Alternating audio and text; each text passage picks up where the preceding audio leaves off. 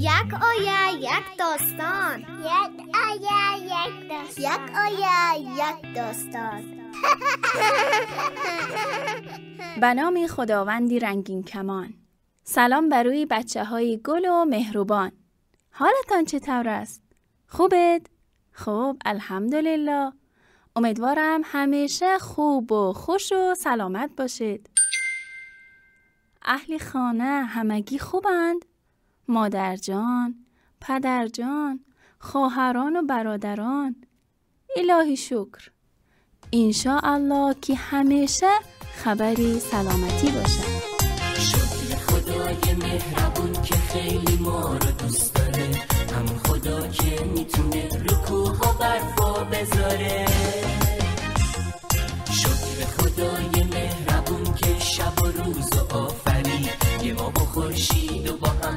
دشت آسمون کشید. شکر خدای مهربون واسه پدر مادرمون واسه یه زندگی که هدیه داده به هممون هدیه داده به هممون.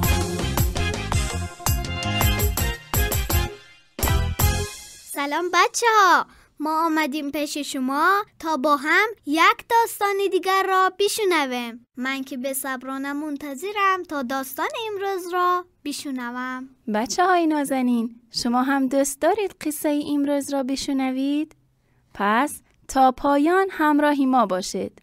راستی مراقب باشید تا گم نشوید چون با هم می رویم به بازاری شهر.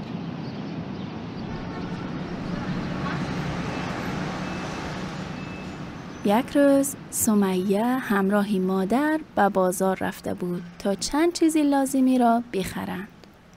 بازار نزدیکی بزرگترین مسجدی شهر است. در میانه بازار یک حوز زیبا و پر از آب قرار دارد که مردم در اطرافش می نشینند و استراحت می کنند. سمیه بعد از یک دو ساعت گردش در بازار که کم خسته شده بود به مادرش گفت مادر جان از بس که راه رفتم پایم کم درد می‌کند. خسته شدم.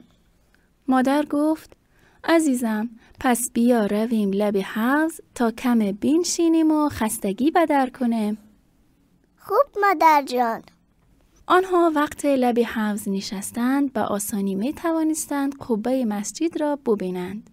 در همین لحظه نسیم خنک وزید و کمی گرما و خستگی را از تن آنها بیرون کرد. مادر در حالی که نگاهش به قبه مسجد بود به سمیه گفت سمیه جان آنجا را ببین قبه مسجد را دیدی؟ میدانی عزیزم هرگاه که به مسجد نگاه می کنم و یا صدای قرآن خواندن و دعا خواندن را می شنوم در درونم خیلی احساس آرامش می کنم. یادت هست چند روز پیش که بیبی بی جان را در خواب دیده بودم چقدر یاد کرده بودم تا اینکه پدر جانت قرآن خواندند و وقت گوش کردم دیلم آرام شد. سمیه در حالی که لبخندی شیرین بر لب داشت به مادرش گفت بله مادر جان یادم هست. من هم مثل شما صدای قرآن خواندن پدر جانم را خیلی دوست دارم مادر جان من هم هر وقت که سرم را در آغوش شما می گذارم و شما مرا سیله و نوازش می کنید فکر می کنم بزرگترین و زیباترین هدیه را به من دادند. اونقدر خوشحال می شوم که خیالم مثل یک فرشته بالای ابرها پرواز می‌کنم.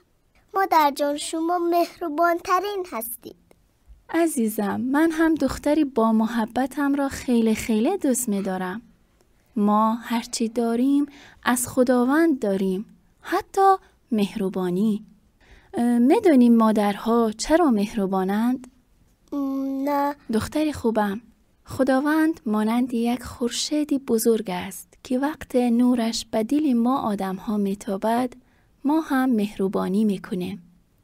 پس وقتی که خداوند می‌خواهد فرزند به مادر دهد اول کمی از محبتش را در قلب مادر می‌گذارد. آنگاه به دستش کودک را می سپارد. در حقیقت مهربانترین خود خداست.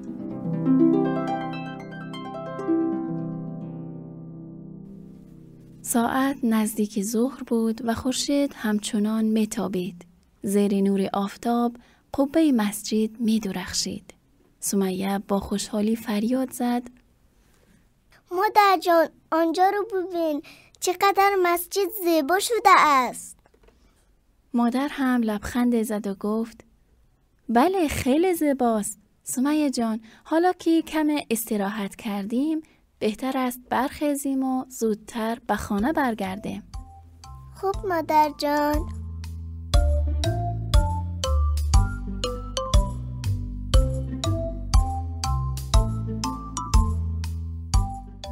بچه ها از داستان امروز خوشتان آمد؟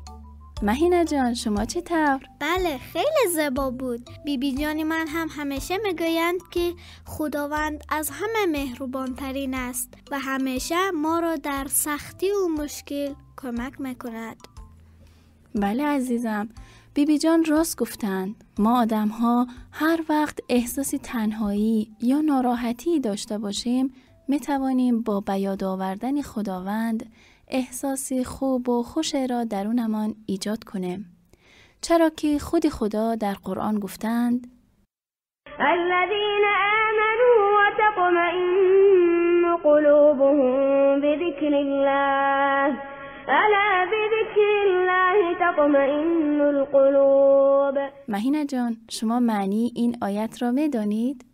بله یعنی دلهای ما با بیاد آوردن خدا آرام می شود. این را هم از بیبی جانم یاد گرفتم. آفرین به شما دوستی نازنینم و هزار رحمت به بیبی جانتان که اینقدر حرفهای خوب را به شما یاد می دهند. خب بچه های عزیز برنامه امروز هم تمام شد و اکنون وقتی خداحافظی است. دوستان خوبم تا یک برنامه دیگر خداحافظ خدا نگهدار گلگلای شیرین.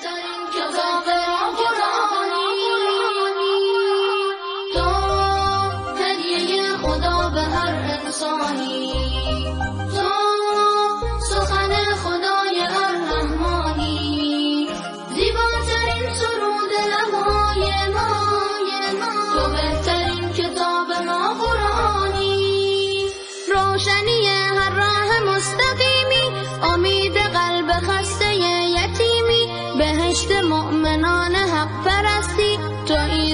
جنت خدا نسیمی. بخشنده همچون قطره